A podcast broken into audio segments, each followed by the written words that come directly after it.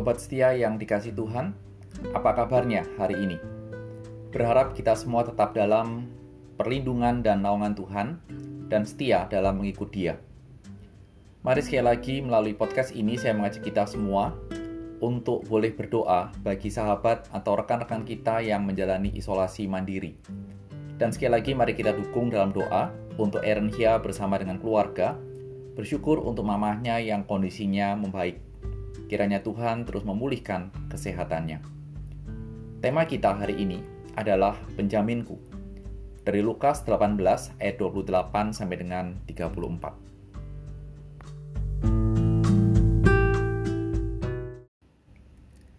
Petrus berkata, "Kami ini telah meninggalkan segala kepunyaan kami dan mengikut Engkau." Kata Yesus kepada mereka, "Aku berkata kepadamu, sesungguhnya setiap orang yang karena kerajaan Allah meninggalkan rumahnya, istrinya, atau saudaranya, orang tuanya, atau anak-anaknya, akan menerima kembali lipat ganda pada masa ini juga, dan pada zaman yang akan datang ia akan menerima hidup yang kekal."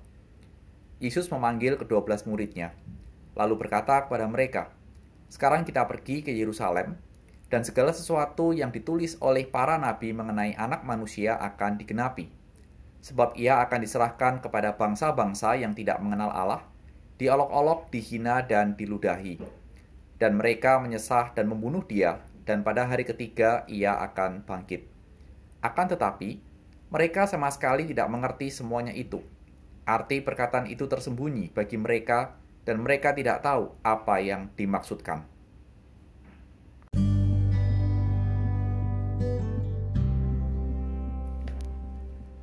Mari terlebih dahulu kita berdoa. Tuhanku Yesus Kristus, singkapkanlah kebenaran firman-Mu ini bagi hidup kami, sehingga kami boleh hidup dalam iman yang teguh kepada Tuhan, mengikut Engkau sampai akhir hidup kami. Demi Kristus, amin. Sobat setia, kalau kita perhatikan dalam beberapa sektor di dunia ini, ketika seseorang masuk rumah sakit untuk dirawat atau ada transaksi dalam bisnis untuk kegiatan tertentu, dibutuhkan adanya jaminan atau penjamin. Hal ini menunjukkan bahwa adanya kepastian. Bila ada apa-apa yang terjadi, ada jaminan dan penjaminnya. Begitu juga ketika seseorang merasa berkorban untuk mendapat sesuatu. Apa jaminannya untuk imbalan yang akan dia dapatkan? Konsep ini ada dalam dunia dan sering kali konsep ini sudah merasuk ke dalam pola pikir kita. Dan kita terapkan dalam berbagai sektor di dalam kehidupan ini termasuk ketika kita menjadi orang Kristen. Perhatikan apa yang kita baca dari cerita dalam perikop ini. Setelah cerita orang kaya yang gagal mengikut perintah Tuhan karena hartanya sangat banyak, Crazy Rich Galilea, Petrus berkata, "Tuhan, kalau orang kaya tidak bisa meninggalkan harta kekayaannya, kami sudah meninggalkan semuanya demi mengikut Engkau." Kalau dilanjutkan, kira-kira kalimat berikutnya adalah, "Kalau begitu, apa jaminannya bahwa kami masuk kerajaan Allah?" Ini bayangan saya dalam melanjutkan kalimat Petrus dengan konteks cerita di atas. Menarik bukan pertanyaan dari Petrus? Tuhan Yesus tidak menegur, tidak memarahi Petrus yang berkata demikian. Tetapi Tuhan Yesus tahu bahwa Petrus pada saat itu sedang mencari jaminan atau kepastian tentang mengikut Tuhan. Lihat respon Tuhan Yesus. Dia berespon, "Aku berkata kepadamu, Sesungguhnya setiap orang yang karena kerajaan Allah meninggalkan rumahnya, istrinya, atau saudaranya, orang tuanya, atau anak-anaknya, akan menerima kembali lipat ganda pada masa ini juga, dan pada zaman yang akan datang, ia akan menerima hidup yang kekal.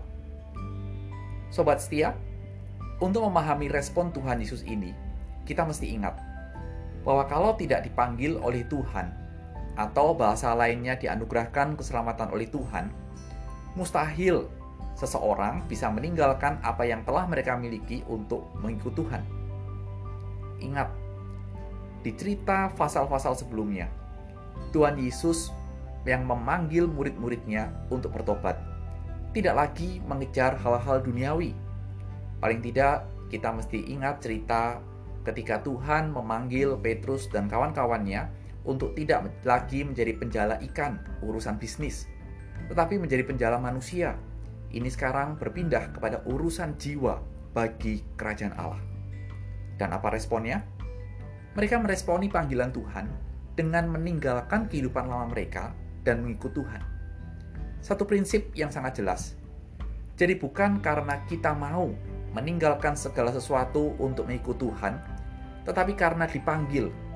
Dan kalau kita merasa bahwa kita meninggalkan segala sesuatu lalu berhak menuntut Tuhan untuk memberikan suatu jaminan, itu adalah prinsip dunia dan bukan prinsip ajaran Tuhan Yesus. Tuhan Yesus yang memulai memanggil, maka murid-murid mampu meninggalkan segala sesuatu untuk mengikut Dia. Perhatikan satu cerita. Ketika suatu ketika seorang berkata kepada David Livingstone untuk memikirkan pencobaan yang telah dia alami dan kesedihan yang telah dia tanggung. Tentang bagaimana dia kehilangan istrinya dan kesehatannya mulai merosot ketika dia menjadi penginjil di Afrika. Dia ditanya, apakah ini sebuah pengorbanan yang telah kau lakukan untuk mengikut Tuhan? David Livingstone menjawab, pengorbanan Aku tidak pernah berkorban seumur hidupku. Sobat setia, ini cerita yang menarik. Bagi orang yang menjalani jalan Kristiani, kehidupan Kristen, mungkin ada hal-hal yang dunia sebut sulit, dunia sebut tidak wajar.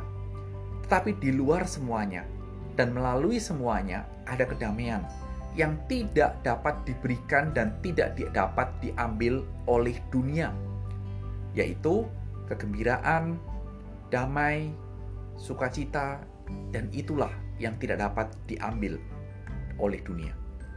Dan bagi saya pribadi, pember pemberian berkali-kali lipat bagi kita dalam respon Tuhan Yesus kepada jawaban Petrus adalah kehadiran Tuhan Yesus sendiri pada saat kita percaya kepada Dia untuk kita menjadi muridnya. Itulah suatu harta yang tidak bisa dinilai oleh apa pun, harta yang tidak bisa digadaikan oleh cintamu kepada orang yang bukan anak Tuhan, harta yang tidak bisa ditukar oleh iming-iming jabatan atau karirmu. Kenapa demikian? Karena dalam ayat-ayat terakhir, kita melihat Tuhan Yesus memberitahukan pemberitahuan akan jalan hidupnya sebagai anak Allah untuk memberikan jaminan keselamatan bagi kita. Dan dia harus menderita sengsara, diolok-olok, dibunuh dengan cara disalibkan, tapi kemudian bangkit pada hari yang ketiga untuk membuktikan bahwa maut telah dikalahkan, sangat dosa telah dipatahkan. Namun sayang, pada saat itu dicatat murid-murid tidak mengerti. Meskipun ini pemberitahuan yang bukan pertama kali, tapi murid-murid tetap tidak mengerti, tidak paham. Mereka baru akan mengerti akan paham setelah nanti Kristus bangkit. Mereka baru ingat, guru telah mengatakan itu, telah mengajarkan itu kepada kita semua.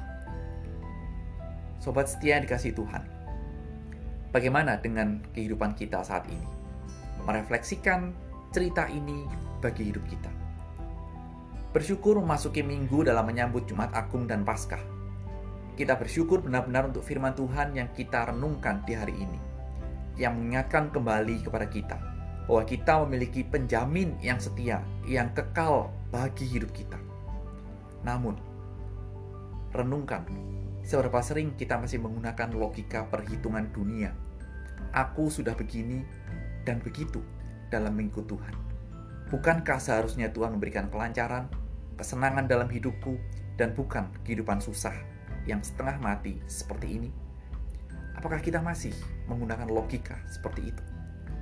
Atau lebih parahnya, masihkah kita tidak mengerti bahwa Yesus harus menderita, mengalami derita aniaya sampai mati di kayu salib untuk menjadi jaminan bahwa kita diselamatkan?